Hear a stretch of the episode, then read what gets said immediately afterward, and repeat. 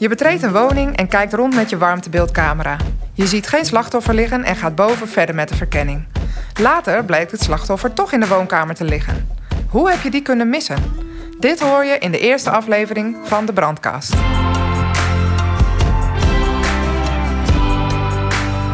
Leuk dat je luistert naar de Brandkast van de VRU. Mijn naam is Fanny Spierenburg. Elke aflevering bespreek ik, samen met een collega van Team Brandonderzoek, één incident en de lessen die we daaruit kunnen leren.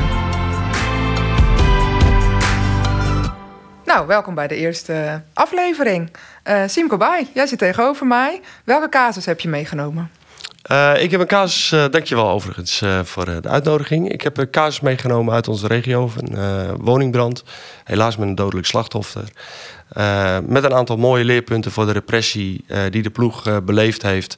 En ook graag wil delen met de collega's. Nou, dat is super. Wat, kun je me misschien vertellen, wat was de melding? De melding was een woningbrand, s ochtends om 8 uur. Uh, bijzonderheid was dat de auto uh, voor de deur stond en de verwachting was dat er iemand in de woning aanwezig was. Ter plaatse uh, werd dat bevestigd inderdaad. En het verhaal werd wat breder dat men in de nacht rond een uur of één al een brandlucht geroken heeft in de omgeving. En achteraf blijkt ook dat de brand om één uur al begonnen is. En achteraf hebben we een dood, dodelijk slachtoffer te betreuren. Ja, hoe, hoe was het situatie toen, toen de ploeg aankwam?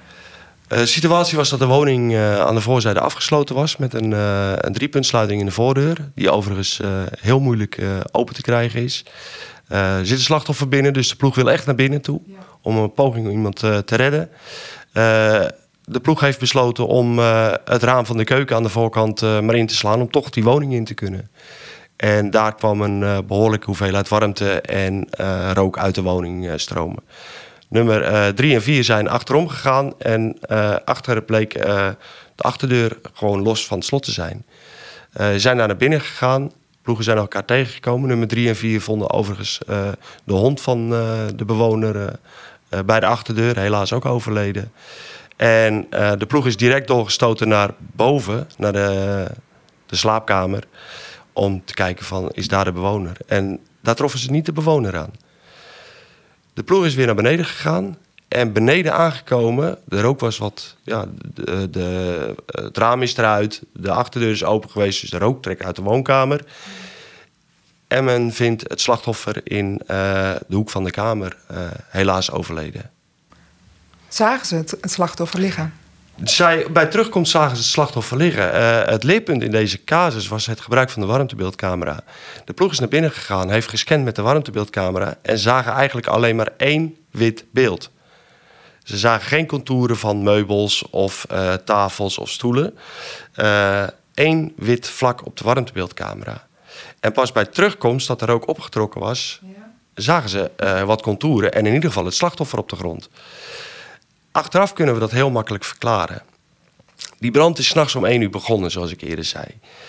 S ochtends om 8 uur komt de brand weer binnen. En dat betekent dat de hele ruimte egaal opgewarmd is door de temperatuur.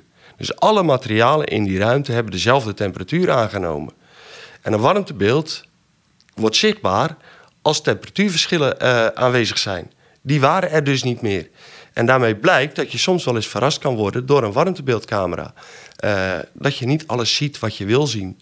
Dus uh, je oude skills blijven noodzakelijk. Dat is wel een belangrijke les.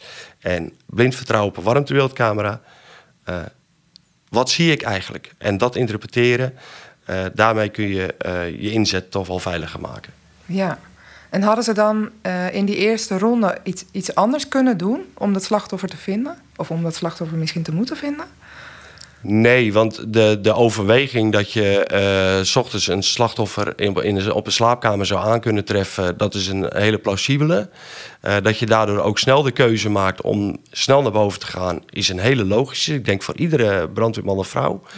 Uh, dus, en, en achteraf, die brand is al om één uur gestart. Ehm, deze bewoner heeft geen schijn van kans op overleven gehad, ook niet uh, door het optreden van de brandweer. Dus uh, uh, ik denk dat uh, de jongens en meiden daar hun uiterste best hebben gedaan en alles hebben gedaan wat in hun vermogen lag. Alleen verrast werden door het egale beeld van de warmtebeeldcamera. Want dat is wel het gevoel na een optreden. potverdorie, hebben wij het slachtoffer gemist? Nee, eh, ook het slachtoffer had de omgevingstemperatuur. Ja. En dan zie je hem niet. Nee. Welke andere lessen kun je, kun je nog leren van deze casus? Er zijn er verschillende. Een hele simpele is uh, dat de brand ondergeventileerd raakt.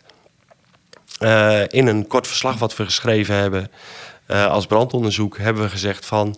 ja, nou die rook die koelt af, is eigenlijk niet meer brandbaar. Maar als je hem wat nader bestudeert... dan heeft er een kast in brand gestaan. Die is door de warmte helemaal weggepyrolyseerd. En pyrolysegas is brandbaar. En uh, die hele woonkamer heeft volgehangen met pyrolysegas. Dus kan dat niet ontbranden? Uh, dat is een moeilijkheid uh, en, en tevens een risico waar wij als brandweer mee te maken krijgen. Dus we moeten voorzichtig zijn, voor mij zelf als brandonderzoeker, om te zeggen van ja, weet je, dat heeft zo lang geduurd, het is niet, niet meer brandbaar. wij als brandweer weten niet op welk tijdstip de brand exact begonnen is. En waar wij binnenkomen. Dus laten we uh, alsjeblieft voorzichtig zijn. Is een brand ondergeventileerd, ligt heroplaaiing van de brand op de loer... met ontbranding van rookgassen tot gevolg. Uh, wat risico voor ons optreden mee, uh, meeneemt. Dus altijd met een straal naar binnen, altijd alert zijn van wat gaat er gebeuren. Ja. dus dus ook als brandonderzoeker leer je weer van... Hey, hoe zet je iets in een verslag? En... Um, hoe, hoe ga je daar verder mee om? Het is soms genuanceerder als dat we het opschrijven. Ja, precies. En uh, ja, wat ik me dan afvraag, um, wat, wat betekent dit dan voor de toetreding? Of nou, is dat eigenlijk nou, goed de, de toetreding, uh, um, een driepuntsluiting uh, op een deur, ja, dat, dat kom je wel vaker tegen. Um, van belang is, deze ploeg heeft ook gewoon niet te lang staan tobben om die deur open te krijgen, maar een andere optie gekozen. Ja. En ik denk dat dat heel logisch is. Uh, maar dan gaat er wel een raam open. En raam open is toetreding van zuurstof. In deze casus heeft het eigenlijk verder geen rol gespeeld als alleen de warmte gaat en de rook gaat eruit. Ja. En de brand laaide heel langzaam op. Uh, maar nu hebben we de smokestopper uh, en dat doen we om zo min mogelijk zuurstof weer naar die brand te laten gaan. Uh, zodat die brand niet heroplaait. En we een stabiele situatie binnenhouden. Uh, dus we moeten echt opletten van, en bewust zijn vooral...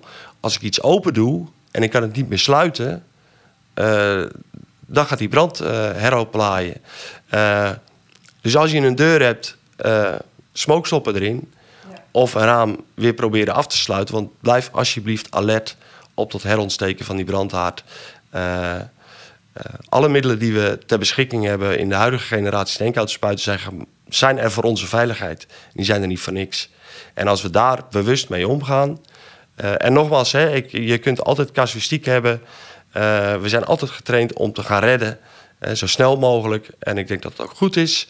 Maar ons eerste gevaar wegnemen. Door middel van een smokestopper, door middel van rookgaskoeling of die brand uitmaken. Het is heel simpel. De beste rookgaskoeling is nog steeds die brand uitmaken. Ja. ja daarna kun je ventileren en uh, ja, soms heb je uh, mazzel dat je iemand kan, kunt redden. Uh, in dit geval was het slachtoffer al overleden, lang overleden voordat die brand weer binnenkwam. en dat, dat moet ook een ploeg een gevoel geven van ja, wij hebben er alles aan gedaan. Uh, en soms uh, kunnen we leren van elkaar, in dit geval over de warmtebeeldcamera, over een stukje toetreding, over het heropladen van de, uh, van de brand.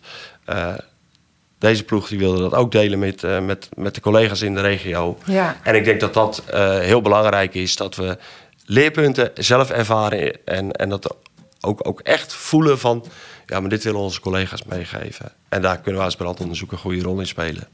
Nou, ik vind het geweldig. Dankjewel, Simco, voor dit verhaal. Graag gedaan en graag tot de volgende keer. In deze aflevering hebben we gehoord over de deur met de driepuntsluiting. Sta je er niet blind op, maar kijk naar andere mogelijkheden om een woning te betreden, zoals ook in deze casus is gebeurd. En daarnaast het gebruik van de warmtebeeldcamera. Het is een handig hulpmiddel, maar werkt alleen goed als er echte warmteverschillen zijn. Dank voor het luisteren en graag tot de volgende brandkast.